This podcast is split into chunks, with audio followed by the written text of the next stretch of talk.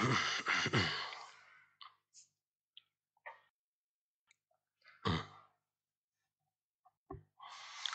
الله الرحمن الرحيم. الحمد لله الحمد لله الذي أرسل رسوله بالهدى ودين الحق ليظهره على الدين كله.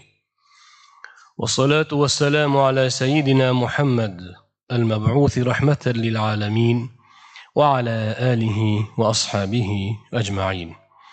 السلام عليكم ورحمة الله وبركاته أزيز دين قرداشلر إلم وسيرة مخلصلر سزبلن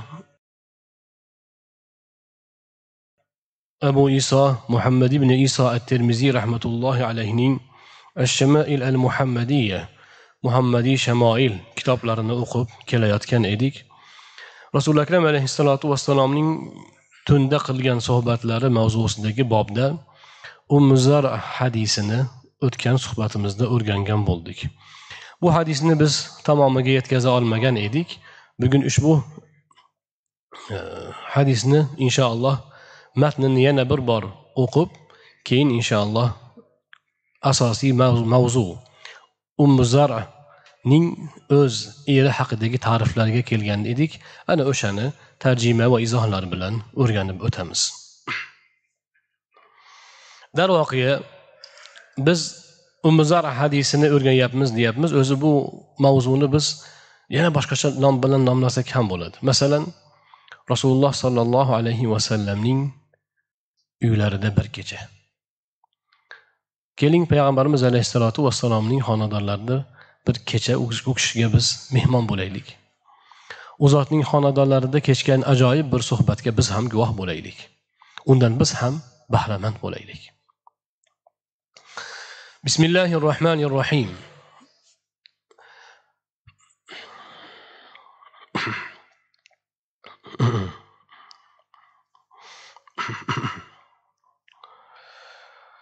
وبالسند المتصل عن شيوخي إلى المصنف أبي عيسى محمد بن عيسى الترمذي رحمة الله.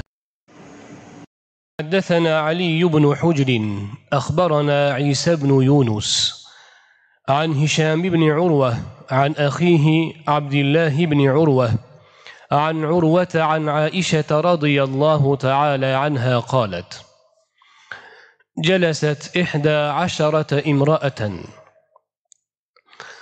فتعاهدن وتعاقدن ألا يكتمن من أزواجهن شيئا.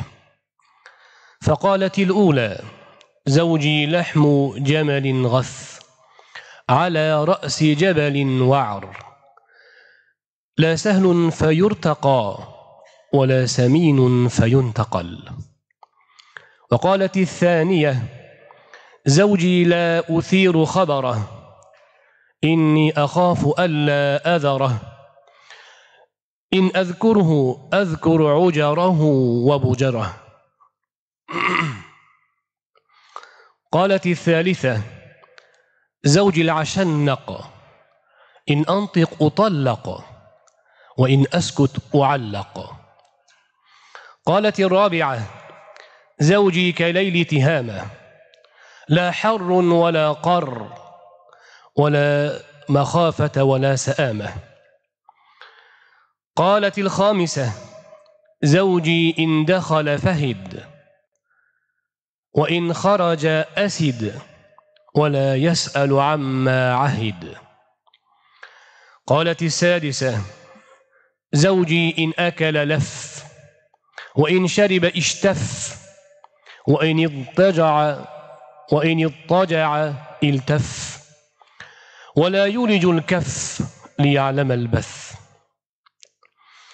قالت السابعة زوجي عياياء أو غياياء طبقاء.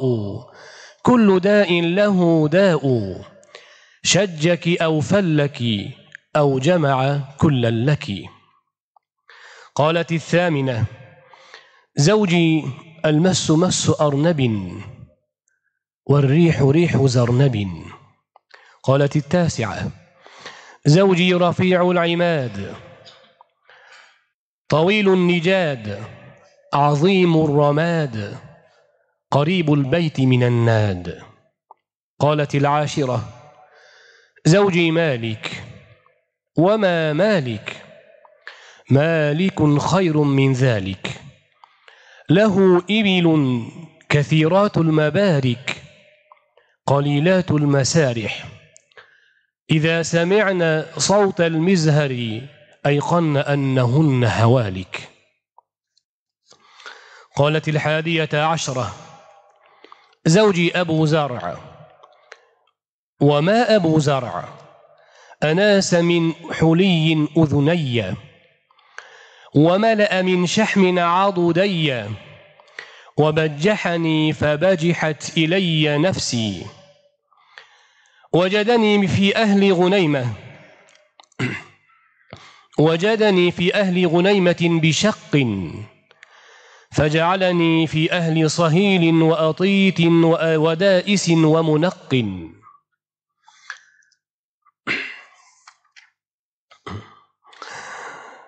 وجدني في أهل غنيمة بشق.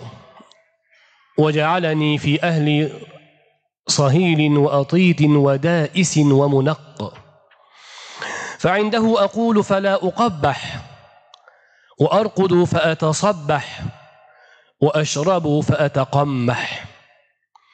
أم أبي زرع فما أم أبي زرع؟ عكومها رداح وبيتها فساح. ابن أبي زرع فما ابن أبي زرع؟ مضجعه كمسل شطبة وتشبعه ذراع الجفرة. بنت أبي زرع فما بنت أبي زرع. طوع أبيها وطوع أمها وملء كسائها وغيظ جارتها. جارية أبي زرع. فما جارية أبي زرع؟ لا تبث حديثنا تبثيثا ولا تنقث ميرتنا تنقيثا ولا تملأ بيتنا تعشيشا. قالت خرج أبو زرع والأوطاب تمخض. فلقي امرأة معها ولدان لها كالفهدين. فلقي امرأة ولد فلقي امرأة معها ولدان لها كالفهدين. يلعبان من تحت خصرها برمانتين. فطلقني ونكحها. فنكحت بعده رجلا سريا راكب شريا وأخذ خطيا وأراح علي نعما ثريا وأعطاني من كل رائحة زوجا وقال كلي أم زرع وميري أهلك فلو جمعت كل شيء أعطانيه ما بلغ أصغر آنية أبي زرع. قالت عائشة رضي الله عنها فقال لي رسول الله صلى الله عليه وسلم كنت لك كأبي زرع لأم زرع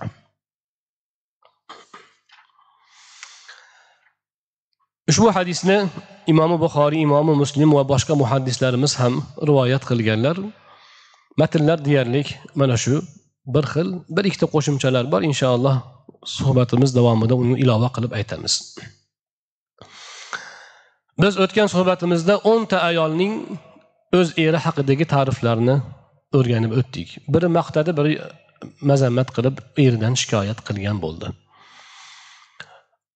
O'nta ayolning to'rttasi yomonlagan bo'lsa oltitasi erini asosan maqtadi. Maqtaganda ham nihoyatda balog'atli e, so'zlar bilan maqtadi.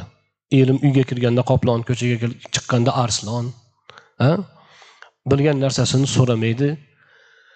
Yana biri aytdi erimning uylari ustuni uzun erimning ustunlari uzun o'chog'i katta kuli sovimaydi kunlari ko'p. Uyi mashoratxonaga yaqin. Va hokazo ta'riflarni aytdi. Hammasi o'z eri haqida aytadiganlarini aytib bo'lgach o'sha ayollarning hammasi o'zi o'ta zakovatli ayollar bo'lgan gapidan ma'lum. Zakovat farosat yetarli bo'lmasa bunaqa so'z surolmaydi chunki so'z insonning aqli idrokini qalbining ko'zgusi bo'ladi. Har kishining aqlu idrokini so'z bildirgisi pistayi bemag'z agar lab ochsa rasvo bo'lgusi deydi abdulla avloniy. So'z insonning aqli idroki farosatini bildiradi. Tashqi ko'rinish kiyim kechak go'zallik bu insonning aqli farosatiga ko'p ham dalolat qilmaydi. Lekin so'z ana u insonning aqli idroki tafakkuri ichki olamining tarjimoni hisoblanadi. Shuning uchun u olimlar aytadiki til qalbning tarjimoni. Qalb qalbning til qalbning tarjimoni. Ana shu ma'noda bularning ichida eng tili o'tkiri eng zakovatli va eng vafoliyi ummu zara. o'n birinchi ayol ekan keling o'sha ummu zaraning so'zlarini ham o'rganaylik ummu zara aytadi زوجي abu zarin fama abu zarin mening erim abu zar degan odam abu zar kimligini bilasizlarmi shunaqa demoqchi abu zar kimligini bilasizlarmi men aytib beraman mana sizlarga bilmasanglar bilib olinglar Ana saminhuliyun udunayya u taqinchoqlar bilan quloqlarimni lo'mbullatib qo'ygan edi ya'ni taqinchoqlarni shunaqa yaxshisini zo'rlarini taqqandiki qulog'im mana bu quloqni yumshog'i taqinchoqni og'irligidan kattaligidan o'ynab turar edi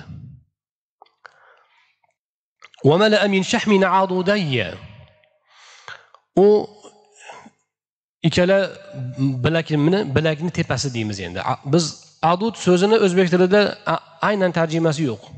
Adud deb yelkadan tirsakkacha bo'lgan joyni aytadi. Kim biladi shu yerni nomini? Ya bilak mana bu bilak. Buni ham bilak bilagida kuchi bor deganda shuni nazarda tutiladi lekin ikkalasiga ham bilak ishlasa u so'z to'g'ri ishlatilgan bo'lmaydi. Baribir bittasiga tanlashimiz kerak. Bilak o'zi ko'proq mana bilakda mana bu joyi nazarda tutiladi. Ho'p mana bu joyni nima deydi? Mushak deb bodirdagi mushakni ham mushak deydida mushak u hamma e, a'zoda bor. Hamma suvaylarni bog'lab turgan narsa mushak. Hm? Bozu bo'lar ekan fors tilida. Navoiy shu bozuni ishlatgan ekan biz ham shuni qabul qilganmiz. Yo o'zimiz nom qo'yishimiz kerak yo endi oldingilar ishlatgan nomni qo'yishimiz ishlatishimiz kerak boshqa iloji yo'q. U arablarda mana shu yelkadan tirsakkacha bo'lgan joyni bir o'ntacha nomi bor. Mayerni nomi boshqa ichini nomi boshqa oldin nomi boshqa ketaveradi. Shuning uchun e, biz endi bu mana shu hammasini qo'shib aytganda adud deydi qo'l qo'lning mana shu joyi bozu bozularimni yoqqa to'ldirdi.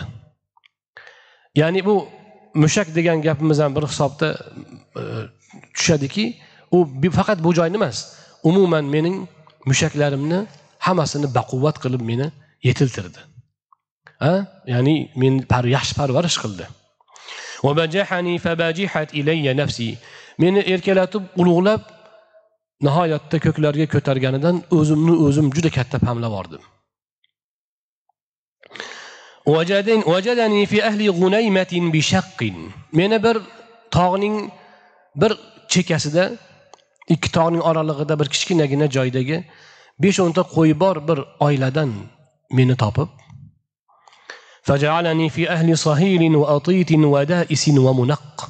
meni bir sarvatmand oilaga xonadonga olib keldi bu joyda juda ajoyib bir balog'atli so'zlar ishlatilgan. Sohil deb mana bu yerda aytyaptiki men sizlarga yana ham tushuntirsam sohili bor atiti bor doisi bor munaqqi bor xonadonga olib keldi. Nima degani? Sohil deb otning kishnashini aytadi. Otning ovozlar ovoz chiqarib turadiku kishnash yana o'ziga yarasha har xil ovozlar chiqarib turadi. Ot erkalanib ovozlar chiqaradi. Mana shunaqa otlarning ovoziga to'lgan uy edi u.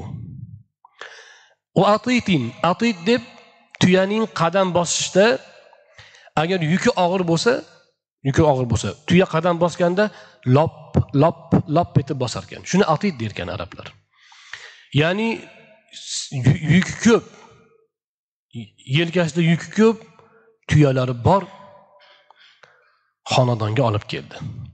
Vada isin da is deb o'zi depsash degani. Oldinlari ho'kizlar bilan ho'kiz ho'kizda yer ho'kizni yurgizib yer haydagan ha? yer haydagan yana urug' ekkan. Keyin hosilni olgan paytda o'sha hosilni ustida ham buzoqlar e, ho'kizni yurgizar ekanda donlarini ajratar ekan yanchirkan. Shu narsa bormidi? O'sha don yanchiydigan ho'kizlarni dais derkan.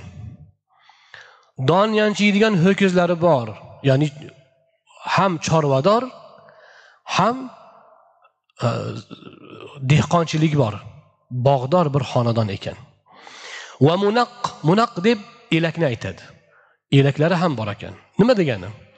Qadimda odamlar e, elak tutmagan ekan. Mana shamoilda o'tdikku. Rasuli akram alayhissalotu vassalom oq un non oq undan qilingan non yemagandilar. Deyishdi. Shunda so'rashdi qanaqa qilib non qilgansizlar unni qanaqa qilgansizlar bo'lmasam deyishgan edi. Tuyib turib derdik uchgani o'chib qolganidan non qilardik kepaklik non bo'lar edi deyishdi. Odatda shunaqa bo'lar ekan lekin zodagon boy xonadonlar to'qchilik bo'lsa ana unda elak bo'lar ekan unda keyin elab haligi hashay hushaylarni yaxshilab tozalab keyin sifatli un sifatli donlar yeyishar ekan g'alvir elaklarni demak boy sarvatmand xonadonlarning xonadonidagina ishlatilar ekan boshqa xonadonlar uni ishlatmar ekan ana shunday to'kin sochin va sifatli taomlar bilan uyida taomlar hozir qilinadigan xonadon ekan. Shuni aytmoqchi. Bu endi xonadondagi moliyaviy yuqoridagi aytilganlar xonadondagi moliyaviy imkoniyatlar edi. Endi undan boshqa ya'ni undan boshqa kengliklar ham bor ekan. Men erimni oldida gapirsam men meni malomat qilmas edi. Meni e, turkin qurgur va hokazo deb meni koyimas edi. Ya'ni erimning huzurida men gapirsam undan so'kish eshitmasdan bemalol gapira olardim. U vaqtlarda mana shu narsa ham demak hamma xonadonlarda ham bo'lmagan. Ba'zi yuqorida e, eshitdikku a in antiq utalloq gapirsam taloq bo'laman.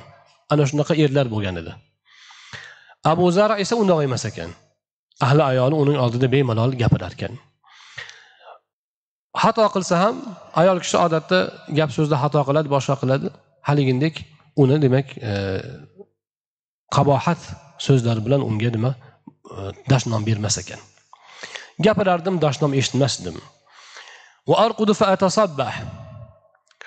Uxlab yotar edim u tonggacha bu yerda ertalabgacha uxlardim uxlasam ertalabgacha uxlardim nima demoqchi odatda qishloq ayollari hozirda ham mehnatkash ayollar ertalabda turib choy tayyorlaydi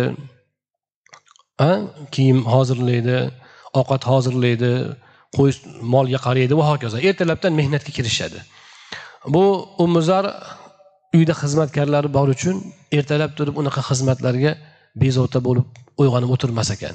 To'yganda turar ekan uyquga to'yganda uyg'onar ekan. Ichib to'ygunimcha ichib keyin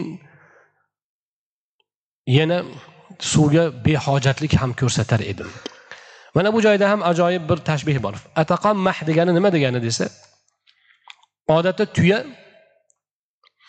suv ichib qorni rosa suvga to'ygandan keyin boshini ko'tarib osmonga ko'tarib lab lunjini haligi do'rdaytirib mana shunaqa qiliq qilar ekan. Shuni taqommaha der ekan ya'ni men xuddi tuya suvga to'yib ketib ja o'zini erkak erka e, e, e, erka tutib erkalanib mana shunaqa qiliq qilgandaqa men ichkarimda mana shunaqa ichardim. Ya'ni suv ham shunaqa serob edi. To'kinchilik edi yana bitta rivoyatda imom buxoriy qilgan rivoyatlarda ikkalasi ham bor. Fataqonnah keladi. Fataqonnah degani to'ygandan keyin ham suv ichishni aytar ekan suv ichib olgandan keyin qorin to'ygandan keyin taqsir yana ichsinlar yana qorin ishib ketdi yana ozgina iching keling bizni ko'nglimiz uchun ozgina shu mana shu choyni ichib qo'ying mana shu kompotni ichib qo'ying desa o'shanda ham ichsa o'shani taqonnaha derkan. Men haligi bundoq aytganda bo'kib bo'kib ichardim ichganimda ham bo'kib bo'kib ichardim deb erning ta'rifini tugatdi endi davomida faqat erni maqtash bilanla to'xtamagan ekan. Davomida yana erning ahllarini ham maqtaydi. Ummu abu abi zara. Fama ummi abi zar fama ummu abi zara. Abu zarni onasi ham onasi. Abu zarni onasi kim bilasizlarmi? U qanaqa oliyjanob ayol? Taniysizlarmi? Mana men aytaman. Uning don dun oziq ovqat idishlari o'ta ham katta va baland edi. U vaqtlarda don g'amlab yem g'amlab ha dehqonchilikdagi mol e, hosillarni g'amlab shu bilan qish chiqarilgan odatda nochorroq bo'lsa ko'proq sotib o'ziga kamroq olib qoladi. Uning idishi kichikroq bo'ladi. Yo'q ummu abizarni idishi katta ekan. Uylari keng keng edi. Qishloqni uylari odatda tor bo'ladi buning uyi keng edi.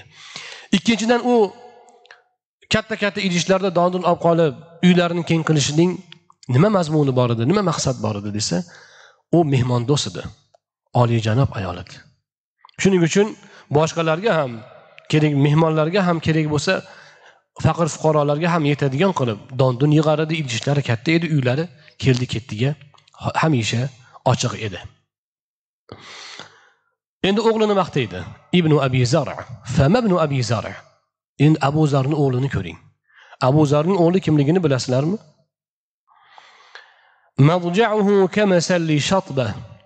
Abu zarni o'g'li deyishdan maqsad u o'zi tuqqan o'g'il emas undan oldingi ayolidan bo'lgan o'g'li. Abu zarning oldingi ro'zg'oridan bo'lgan o'g'li ham bor ekan. O'sha o'g'lini maqtayapti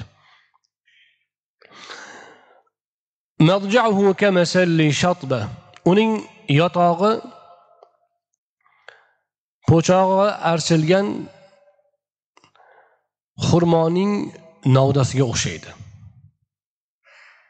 Nima degani desa qarang. U yotadigan yotoq oldinlari mana masalan karavot bo'lmaganku karavot bo'lmagan. E, xurmoning yangi novdasini shilib yangi navdasini shilib. O'shandan bir narsa to'qib o'shanda o'shanaqa so'ri qilar ekan o'shandan so'ri qilishar ekan yotoqxona. O'shanisi e, yotog'i ana shunaqa e, yotog'i po'stdog'i shiringan xurmoning novdasiga o'xshaydi demoqchi. Bu bilan nima demoqchi desa ana o'sha xurmoning navdasini shilganda nihoyatda tekis bir cho'p kelishgan chiroyli bir cho'p paydo bo'lar ekanda. Bu bilan nima demoqchi desa u abu zarning o'g'li navcha va muskullari nihoyatda mustahkam semiz bo'lmagan kelishgan yigit edi degan ekan. Chunki agar yo'g'on odam bo'lsa yo'g'on odam bo'lsa muskullari bo'sh bo'lsa kichkina yotoqqa sig'mas ekan. Unga katta yotoq kerak. U yoqqa qo'lini tashlab bu yoqqa qo'lini tashlab mana shunaqa qilib yotish kerak. Haligi soldatdek yigit ekanda bundoq aytganda mana shunaqa kelishgan yigit edi. Uloqchaning kichkina uloqchaning tuyog'iga ham qorni to'yaverasdi to'yaverar edi uni. Ya'ni u ochopat emas edi.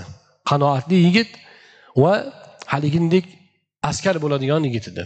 Bu maqtov o'sha arablarda ko'proq jangovar holat ustuvor bo'lgani uchun jangchining surati bu. Jangchi bo'ladigan yigitning surati. Mana shunaqa bir barkamol yigit edi. Bintu abi zara. Fama bintu abi zara? Endi abu zarning qizini eshiting. Abu zarning qizi qanaqa? Bilasizlarmi? Abiha va ummiha. Otasining itoatgo'yi onasining itoatgo'yi u. Milu va milu kisaiha kiyimiga to'lib turadi. Ya'ni bo'liqqina. Ayol kishiga bo'liqlik ayniqsa arablarda fazilat hisoblanadi. Oriq ayolni ular yoqtirmaydi. Lekin semiz emas bu.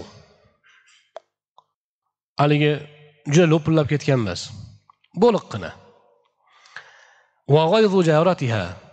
U kundoshining kundoshini kuydiradigan qiz. Ya'ni uning jamoli fazilatlari husni qad qomati shunaqa go'zalki unga kundosh bo'lgan odam uning fazilatlarini uning go'zalliklariga kuyib o'ladi. Jariyatu abi zara abu abu zarning joriyasini ko'ring. Joriyasini eshitganmisiz bilasizmi? Fama jariyatu abi zara abu zarning joriyasini taniysizmi bilasizmi? Men aytay sizga. La tabuthu hadithana tabthitha u bizning gaplarimizni tashqariga tashimaydi. Ovqatlarimizni toshib ketmaydi. Boshqa joylarga olib chiqib ovqatlarimizni kamaytirmaydi. Odatda xizmatkorlar ozgina u yerdan bu yerdan bitta yarimta nonni olib ovqatni tashib o'zini bola chaqasiga tashib mana shunga o'xshash ishlar qilar ekanda o'sha vaqtlarda. Shunga aytyaptiki u abu zarning joriyasi ham ajoyib edi. U gapimizni tashimas edi ovqatimizni ham boshqa boshqalarga olib ketib tarqatmas edi o'zini oilasiga uyga olib ketib qolmas edi uyimizni hash cho'pga to'ldirmas edi ya'ni uyimiz pokiza bo'lar edi. uy xizmatini ham do'ndirar edi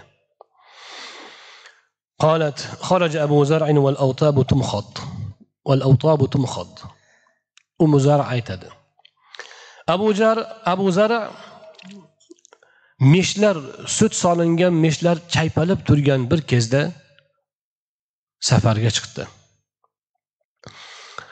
sut meshlari chaypalib turgan bir kez degani bu bahor degani ekan bahorda qo'y qo'zilar tuya sigirlarning yemi nihoyatda yaxshi bo'lib o'tlari chiqib haligindek sutlari mo'l bo'lib juda bir to'kinchilik bo'lar ekan.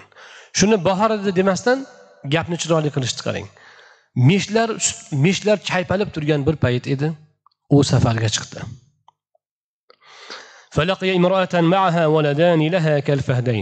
U bir ayolni uchratib qoldi. Uning qoplondek ikkita o'g'ilchasi bor edi. U ikkala bolacha haligi ayolning qo'ltiqlari ostida ikkita anorni o'ynar edi. Bu majoziy ma'noda aytganda onasining ko'kragini o'ynab onasining ko'kragini emib mana shunaqa qilayotgan bolalar edi degani. Haqiqiy ma'noda bo'lsa rostakam anorni onasining u yonidan bu yoniga bu yonidan u yoniga o'tib onor otib o'ynashayotgan ekan.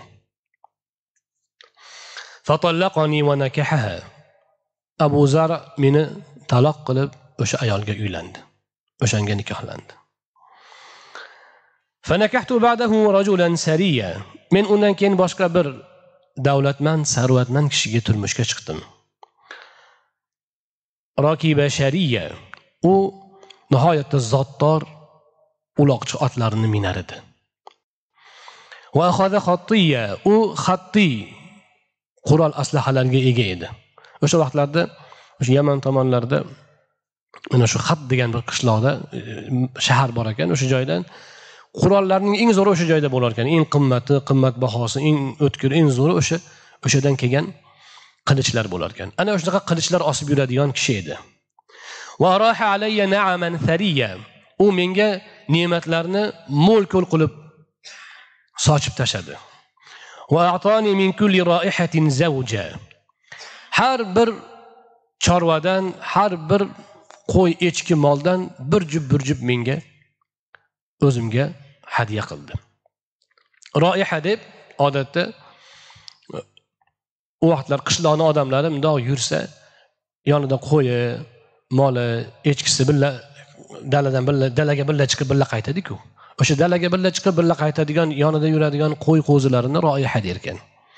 Tuya ot sigir hammasidan odatda bitta bitta yetalab yurishar ekan lekin ummu zaraga ana u yangi eri marhamat qilib bir jup bir jupdan beribdi. Ya'ni kengchilik qilib beribdi. Keyin aytar ekanki kuli umma zar'in va miri ahlakki ey umma zara yegancha ye ahlingga ham ber der edi فلو جمعت كل شيء أعطانيه ما بلغ أصغر آنية أبي زرع o'sha ikkinchi erim bergan hamma narsani to'plasam bergan hamma ne'matlarini to'plasam abu zarning bitta kichkina idishiga to'g'ri kelmaydida deb gapini yakunlaydi ummu zara Abu zara nega uni taloq qo'yib bunga uylandi? Arablarda o'zi umuman erkak kishida mana shu narsa bor. Sog'lom baquvvat farzand ko'rishni istaydi. Ya'ni o'zidan shunaqa nasl qoldirishni istaydi. Haligi ayolni ko'rganda o'g'illari qoplondek nihoyatda yerga ursa ko'kka chopchiydigan deydimi? Mana shunaqa bir ajoyib bir barkamol bolachalar ekanda. Nihoyatda aqli zakovati jismoniy kamoloti bolalarda barq urib turar ekan. Menga ham mana shunaqa farzand tug'ib bersa edi deb farzand ilinjida o'sha ayolga uylangan ekan. Umizarning tuqqan farzandlari balki unaqa bo'lmagandir. Ki u demak farzand uchun boshqa ayolga uylandi. Buni esa talog'ini berdi. Lekin bu ayol boshqaga turmushga chiqdi. Keyingi keyingi turmush o'rtog'i ham e, juda e, zolim yoinki boshqa bir axloqsiz emas ekan. Nihoyatda kengchilik qilib beribdi. Yegani oldida yemagani ketida lekin abu zarnikiga o'xshamas ekan. Baribir abu zarning qilgan yaxshiligini o'rnini bosolmas ekan. Balki aytadiki hamma o'sha mol qo'yiniyu otiyu tuyasini qo'shganda abu zarning uyidagi bitta idishga almashtirmasdim men shuni deydi رضي الله تعالى عنها عائشة رضي الله عنها aytadilarki فقال لي رسول الله صلى الله عليه وسلم كنت كنت كنت كنت لك كأبي زرع لأم زرع oysha roziyallohu anhu aytadilarki shunda rasululloh sollallohu alayhi vasallam ey oysha men ummi zarga abu zar qanaqa bo'lsa men ham senga shunaqaman dedilar. Rasululloh sollallohu alayhi vasallam oysha roziyallohu anhodan hikoyani eshitgach o'sha hikoyani oysha roziyallohu anho endi yosh e, yosh ayol nihoyatda shavqu zavqqa to'lib aytib bergan aytib bersa u endi bu bunaqa zakovat bunaqa farosat o'zi noyob bo'ladi. Oysha roziyallohu anhoda aynan mana shu narsa bor edi. Qancha she'r qancha qasidalarni yoddan bilar edi mana bunaqa tarixiy hikoyalarni arablarning nasablarini ham yoddan bilar edi mana bu hikoyani shavqu zavqqa to'lib aytib bersa rasuli akram alayhissalotu vassalom nima deb javob qildilar? Juda lo'nda. Lekin yetarlik oshig'i ham kamo ham yo'q. Eng haligi nishonga tegadigan javobni berdilar. Ey oysha men o'sha abu zar ummi zarga qanaqa bo'lsa senga shunaqaman dedilarda mana shu joyda biz o'qiyotgan kitobning rivoyati tugaydi. Lekin imom nasaiy yana boshqa muhaddislarimizning rivoyatida qo'shimchasi bor. Lekin men abu zar ummu zarni taloq qilgan ekan. Men seni taloq taloq qilmayman degan ekanlar. Yana aytgan ekanlarki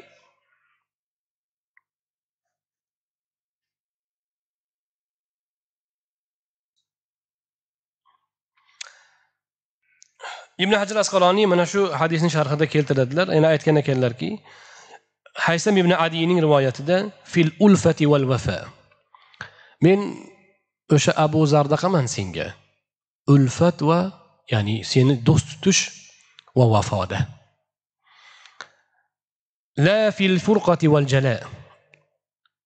Ajrimda ajrashishda va haydab yuborishda emas degan ekanlar. Oysha roziyallohu anhoga rasuli akram alayhissalotu vassalom bu gapni aytganlarida nimani nazarda tutganlar? Vaholanki payg'ambarimiz alayhissalotu vassalom u abu zarni singari uydagi xonadondagi qo'y mol to'kin sochinligini qilmagandilar. Balki u zotning xonadonlarida zohidlik ustuvor edi. Bu joyda yana bitta nuqta ochiladi. Abu zarning ummu zar nega abu zarning e, o'sha bitta idishiga keyingi erining hamma qilgan iltifotini almashtirmayman deyapti desa u abu zar o'sha qilgan yaxshiliklarini o'zgacha mehr bilan qilgan ekan. U nafaqat moddiy balki ma'naviy ham ana shunday iltifotli bo'lgan ekan. Keyingi odam ham iltifot qilgan lekin uning ko'ngli abu zarda qolgan. Abu zardagi mehr mehribonlik undagi haligi odamgarchilik u axloq keyingi turmush o'rtog'ida yo'q. To'g'ri qo'li ochiq u ham imkoniyatlar qilib bergan lekin ana undek iltifot yo'q ekan. Rasuli akram alayhissalotu vassalomning o'sha abu zarndaqaman men ham senga deganlari ana shu mehr shafqatda vafoda a senga bir qanot bo'lishda ana o'sha abu zar deyman. Rasuli akram alayhissalotu vassalomning bu gaplarini eshitgan oysha roziyallohu anho nima dedilar? Yo rasululloh bi abi anta va ummi. Ota onam sizga fido bo'lsin yo rasululloh. Siz xayrulli min abi zar'in li ummi zar. Siz abu zar ummi zarga bo'lgandan ham ko'ra menga yaxshisiz. Undanda iltifotlisiz. Undanda menga mehribonsiz dedilar oysha roziyallohu anho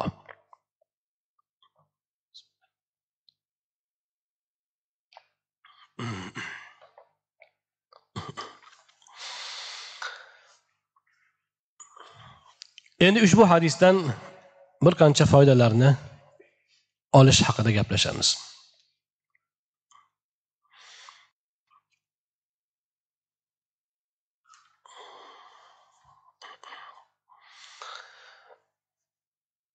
Bu hadis sharifdan bir qancha nuqtalarni bir qancha foydalarni olsak bo'ladi. Birinchidan rasuli akram alayhissalotu vassalomning xonadonlarida vahiy nozil bo'lib turib qur'on hadis yanglashi bilan birga tarix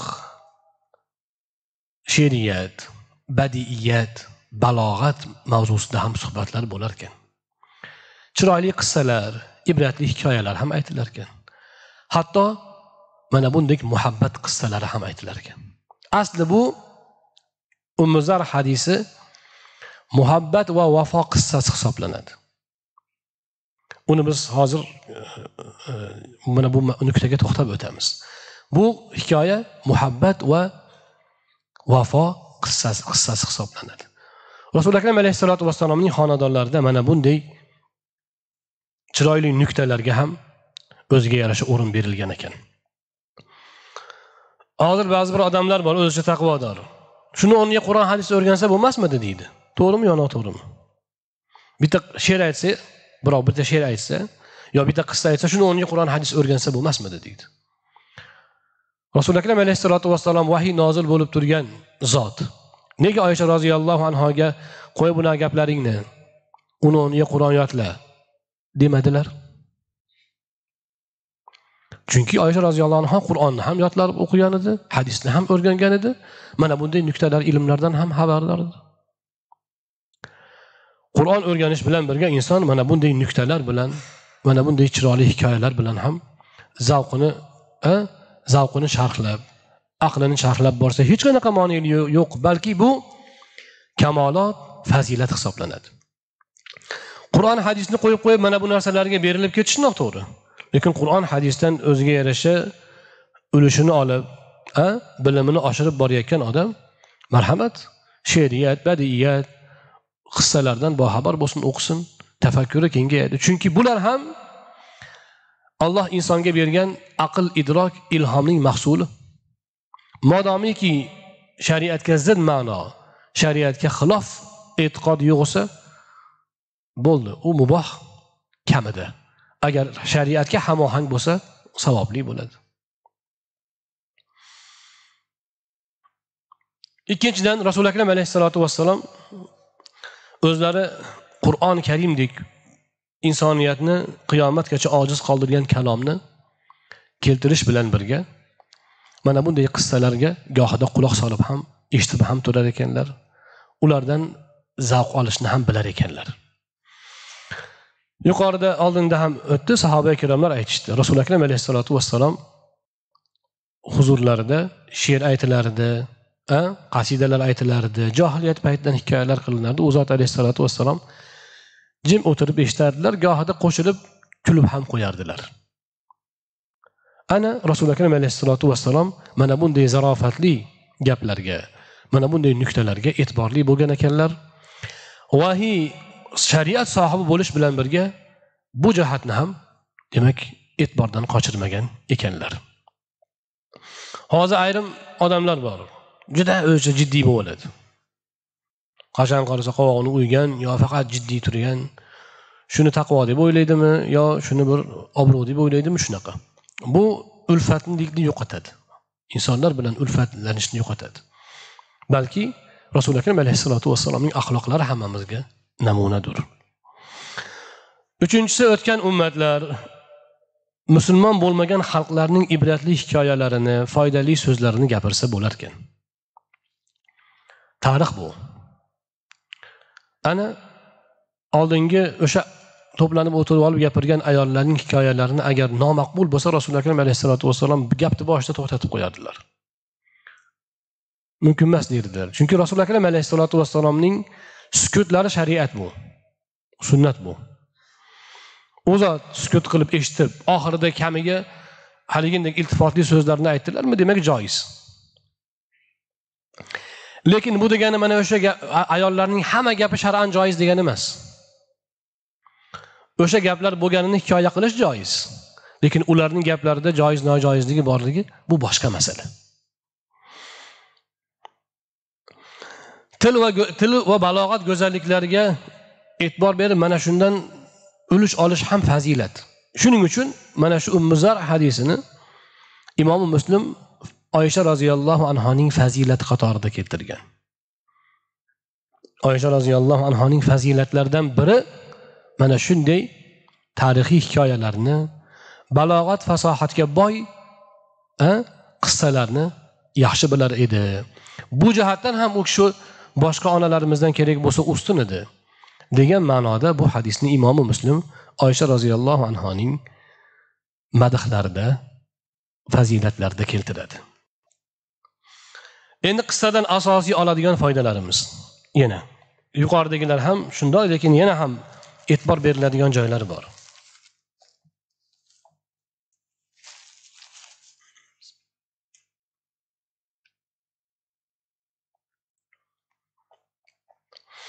Qissada kim nima hikmat oldi? Mana hozir bir mulohaza qilsak o'sha ayollarning so'zlaridan nima nuqta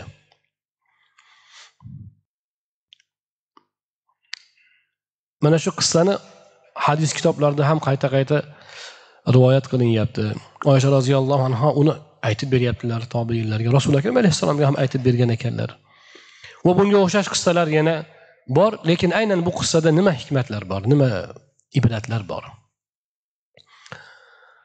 Bu qissada birinchidan ayollar ahdlashib aqdlashib o'tirib o'z erlari haqida bor gapni aytishga kelishishdi deyildi. Demak o'sha vaqtda ayollar ana shunday ahd aqd bo'lmasa erining gapini ko'chaga chiqarmas ekan. Ular odatda bunday qilmaganlari uchun ahdlashishga aqdlashishga majbur bo'lishdi. Mana shunga mana shuni qilishdi. Agar unday bo'lmasa hammasi erini ko'chada gapirib yurgan bo'lsa bu suhbatga hojati yo'q. Hammasi bir birini eri haqida bor gapni biladi. Qishloqda ayollari tog'da ayollari. Ular odatda uyning gapini ko'chaga chiqarmaganidan shu gal kelinglar erimizni bir erlarni bir ta'riflab bir yozilishaylik deyishdi. Endi ular aytmoqchi emas faqat yomonligini aytaylik deb. Bor gapni aytish maqtov bo'lishi ham mumkin mazammat bo'lishi ham mumkin. Xohlasa maqtovini aytadi xohlasa mazammatini aytadi. Endi ayollarning bir qanchalari erining nihoyatda zolim nihoyatda bir fazilatsiz o'ta quruq o'ta bir notavon ekanligini ham aytdi. To'g'rimi?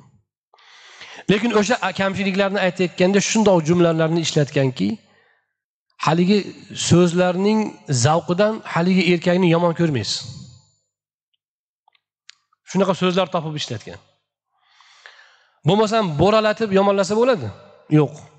Nihoyatda nazokat bilan nafosat bilan ahdga muvofiq lo'nda lo'nda qisqa qisqa ta'riflarni berdi ko'proq tashbehni ishlatishdi. Ha? Mana birinchi ayol zavji lahmu jabalin g'ath meni erim oriq tuyaning go'shti. Ala ra'si jabalin var yo'li tikan qing'ir qiyshiq chiqish qiyin bo'lgan bir tog'ni tepasida turgan go'sht. Ha? La sahlun fayurtaqa. Bir olish oson joyda emaski uni borib olsang endi qiynalay desang qiynalib bo'lsa ham erishay desang biz seminmaski semizmaski unga mehnat qilsang. Ya'ni shirin go'shtmas go'shtmaski unga mehnat qilsang. Mana bu gapni ichida erni o'zi boricha ta'riflagan lekin nihoyatda pardalab ta'riflagan. Mana bu ayollarning demak odobi axloqi va nazokatidan. Lekin ikkinchi asosiy masala bor. Undan keyingi ayollar ham shunga o'xshash gaplar aytdi. Yomonlaganlar to'rtta beshta ayol yomonlagan bo'lsa o'shanaqa o'ralgan gaplar nihoyatda go'zal jumlalar bilan aytishdi. Lekin bu yerda nima bor desa qozi iyoz aytadilarki bu yerda vafo bor deydi. O'sha ayollar eri ana shunaqa notavon bo'lsa ham birini eri sustmijoz birining eri kaltakchi yana birining eri haligindek befayz bebaraka bo'lsa ham ayollar oila uchun o'shalar bilan sabr qilib yashar ekan. Er o'rnida tutar ekan. Lekin bu yerda bir dardlashaylik degan paytda ko'ngilni yozib gapirishga gapiryapti. Lekin oilani buzgani yo'q. Vafoni yo'qotgani yo'q. Bu ayollar mana shu eri zolim bo'lsa ham boshqa har xil xulqi yomon bo'lsa ham ularni uni nihoyatda go'zal jumlalar bilan qisqacha vasf qilib ana bittasi aytdiku zavji la uthiru xabara men erimni gapini yoymayman. Inni axofu alla azara men uni gapirib yomonlayman desam juda ko'pligidan qolib ketib qolarmikin ayblar deb qo'rqaman. Mana shunaqa o'ziga uzr topyapti. Hm? In in azkur azkur in azkur azkur ujarahu va bujarahu agar gapirsam astar paxtasini ag'darib tashlaymanu lekin gapirmayman men deyapti. Mana shundoq darajada bo'lsa ham haligidek jumlalar bilan e, erining noshudligini aytishga aytib lekin ayblarini bekitishga yashiryapti. Va ana o'shandoq erlar bilan ham ularni er tutib yashar ekan. Shuning uchun shorihlar aytadiki bu hikoyada eng katta ibrat ayolning vafosi sabri. Agar ular mana shundan bosh ko'taraman desa hammasida haqqi borlari bor masalan bittasi aytdi. Zavji al ashannaq meni erim noynov naynov novcha farosatsiz odam. In antiq utallaq. Gapirsam taloq bo'laman. Va in askut uallaq. Jim tursam shu muallaqa bo'lib yuraveraman. Lekin o'sha er bilan ham jim turib yashayapti. Ana u deydi ayollarning sabriga sabr toqatlari va ularning oila parvarliklariga bu zarbul masal hisoblanadi. Shuning uchun bu tillarda doston bo'lgan. Shu bilan birga o'sha ayollarning so'zlaridan bilasizki ular tentak ahmoq ayollar bo'lmagan. O'shanaqa o'shanaqa bir yaroqsiz odam bilan yashaydigan darajadagi tentak bo'lmagan. Lekin aql zakovat zo'r bo'lsada aql zakovatni to'g'ri ishlatganidan oilani saqlashga oilani asrashga erning himoyasida bo'lish boshqa hamma mashaqqatlardan afzal ekanini anglaganlaridan mana bunday demak e, oilaparvarlik qilishgan vafo qilishgan deydilar. Erini yomonlagan ayollarning o'sha erlar bilan yashashi sabr jihatidan ibrat bo'lsa erini maqtagan ayollarning erga bo'lgan olqishi vafosi yana ibrat.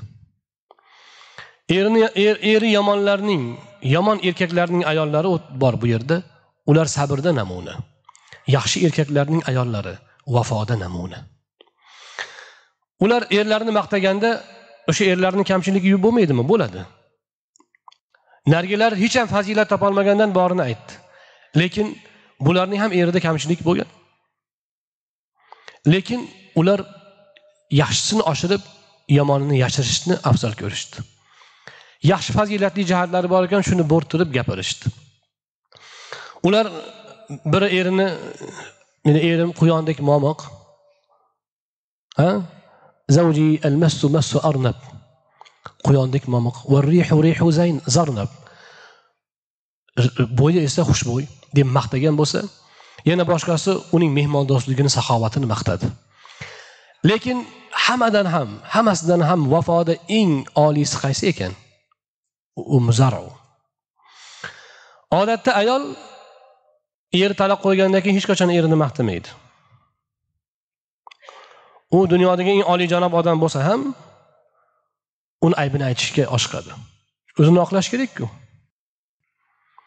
Odatda ajrashgan ayol erini yomonlashga oshiqadi. Chunki u o'zini oqlash uchun ham shuni qilgisi keladi. Agar undoq bo'lmagan taqdirda ham taloq qo'ygandan keyin mehri ketadi uni yomon ko'radi va yaxshiligini inkor qiladi. Lekin ummuzarning vafosi ibrat ekan. U eri unga vafo qilmasa ham vafoga sodiq qolgan. Vafosiga sodiq qolgan ayol va erining yaxshiligini unutmagan ayol ekan. Aytadi. Men abu zar abu zar haqida gapirishdagi uslubni qarang. Arablarda bu qachon ishlaydi? Zavji abu zar fama abu zar? Meni erim abu zar abu zar kimligini bilasizlarmi mana shu gapning boshlanishidanoq maqtovning cho'qqisi bor. Abu zarni men aytaman sizlar u bilasizlarmi? Qanaqa odam u odam? deb ulug'lab boshlaydi. Maqtaganda abu zarni e, maqtaganda u e, bitta o'zini maqtab qolmayapti. Balki oilasi bilan qo'shib maqtayapti. Birinchidan moddiy qilgan iltifotlarini tilla taqinchoqlar olib bergan ekan yaxshi taomlar bilan siylagan ekan. Mana bularni maqtayaptida. Keyin uni men bir arzimagan oilani farzandi edim. Vajadani fi e, vajadani fi ahli fi ahli g'unaymatin bishaqqin e, tog'ni bir chekkasidagi bir kichkinagina chorvasi bor besh to'rtta qo'yi bor echkisi bor. Mana shunaqa oilaning qizi edim men. Meni nihoyatda to'kin sochin bir badavlat xonadonga olib kelib meni mana shunday bir serob qildi. Mana bu joyda ayolning o'z eridan ko'rgan yaxshiligini e'tirof etishi bor. U erdan ajragandan keyin ham e'tirof etyapti. Demak u eri bilan yashagan paytda yanada e'tirofda yuksak bo'lgan u. Ayol erining fazilatini erining yaxshiligini e'tirof etganda u haqiqiy ayol bo'ladi o'shanda jannatga kiradi chunki rasuli akram alayhissalotu vassalom aytganlar ayollarga xutba qilib aytdilarki men sizlarni do'zaxda ko'p ko'rdim merojga chiqqanimda do'zaxda ayollar ko'p ekan yo rasululloh nedan bikufrihinna kofirliklari uchun nonko'rliklari uchun yo rasululloh ayollar iymonda kofir bo'ladimi ya'ni allohga kofir bo'lganlardanmi yo'q bikufrihinna ala buulatihinna turmush o'rtoqlariga kufr qilganlaridan.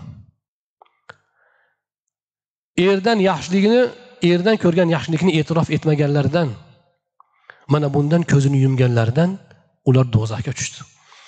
Shuning uchun rasuli akram alayhissalotu vassalomni oldilariga bir ayol kelib sajda qilaman deganda u zot alayhissalotu vassalom aytdilarki yo'q. Agar inson insonga sajda qilishi mumkin bo'lsa men ayol eriga sajda qilsin degan bo'lardim. Nimadan desa haqqi ko'pligidan deganlar. Yana bir ayolga aytganlar ering hayotmi yarim hayot? Ering bilan muomalang qanaqa? Yaxshi nihoyatda itoatdaman hushyor bo'l dedilar. Huva jannatuka va naruk. Jannating ham do'zaxing ham ering.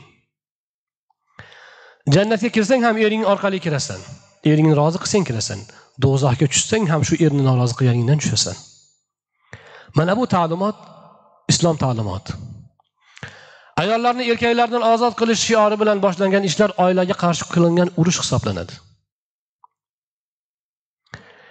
Shariat hammasiga adolat bilan qaraydi. Erkakka rahm shafqatda bo'lish ta'minotni qilish o'z ahliga yaxshi bo'lish buyuriladi. Ayolga esa erga itoat vafo buyuriladi. Mana bu sog'lom oila bo'ladi. Mana bu islomiy oila bo'ladi. Mana bunda jamiyat taraqqiy topadi barqaror bo'ladi. Oila bir jamiyat kichik bir jamiyat uning rahbari bo'lishi kerak. Ikkita rahbar bo'lsa oila parokanda bo'ladi. Shuning uchun mana shunaqa ikkita rahbarni oldiga ko'tarib chiqqan jamiyatlarda hozir oila yo'q. Nega oila yo'q? Rossiyada ba'zi bir joylarda to'qson foiz sakson besh foiz oila ajrashib ketyapti. Nega? Chunki jamiyatda ikkita rahbar bo'lishi mumkin emas. Ham prezidentni aytgani ham bosh vazirni aytgani ham e, ta'lim vazirini aytgani bo'laversa jamiyatda barqarorlik bo'lmaydi. Jamiyatda rahbar bitta bo'ladi. U jamiyat keyin mustahkam bo'ladi. Qolgan ishlar maslahat bilan bo'ladi. U rahbar zo'ravonlik qilsin degani emas u. Qolgani maslahat bilan bo'ladi lekin bir kishiga ergashiladi. Ana u jamiyat bo'ladi. Oilada er alloh qur'onda erkaklar ayollar ustidan mutasaddi dedi. Nega shundoq? Chunki er- yaratgan olloh biladi. Erkak mana shunga qobiliyatli yaratilgan.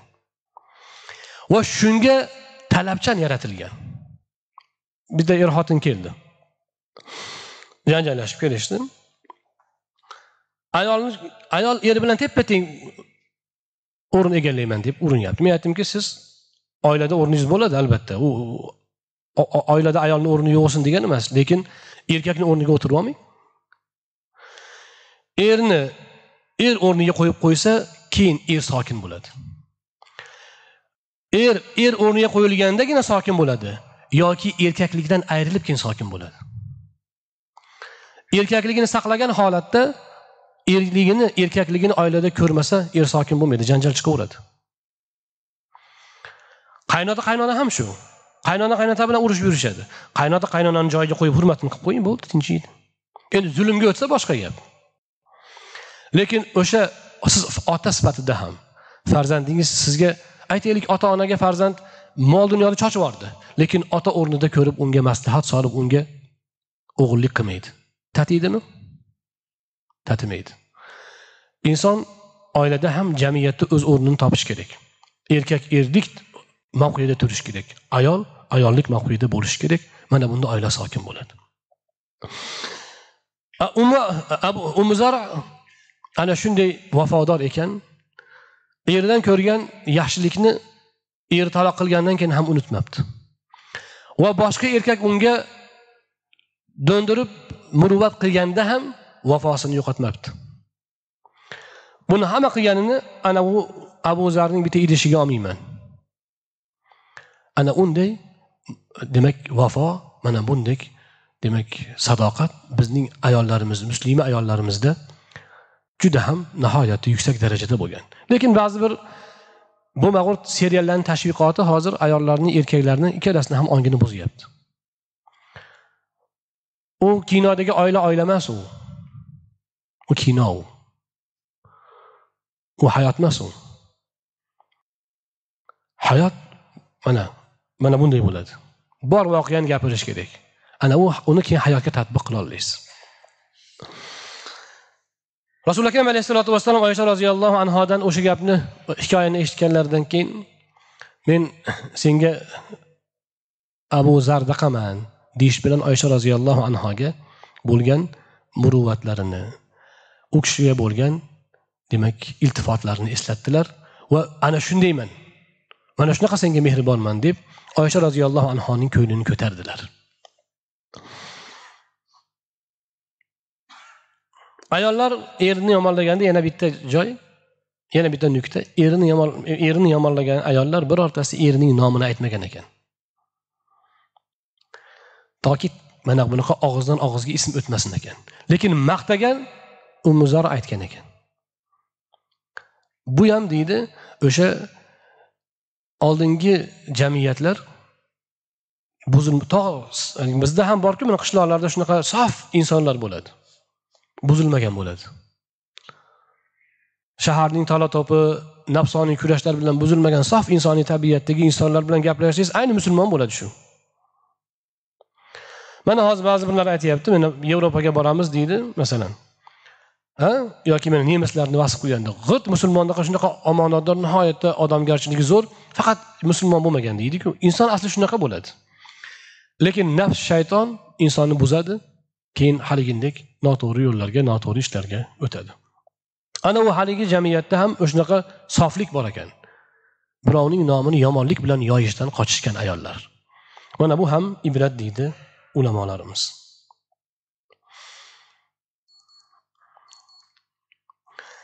Xulosa qilib aytganimizda bu hadisdan yana ko'p nuqtalar olsa bo'ladi. Endi asosan olishimiz kerak bo'lgan ma'nolarni inshaalloh o'rganib o'tdik.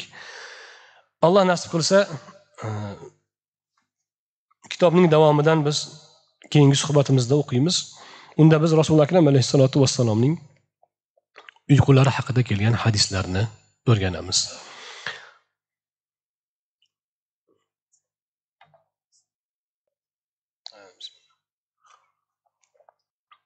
Bir savol bo'lyapti. Sherzod degan ism qo'ysa bo'ladimi?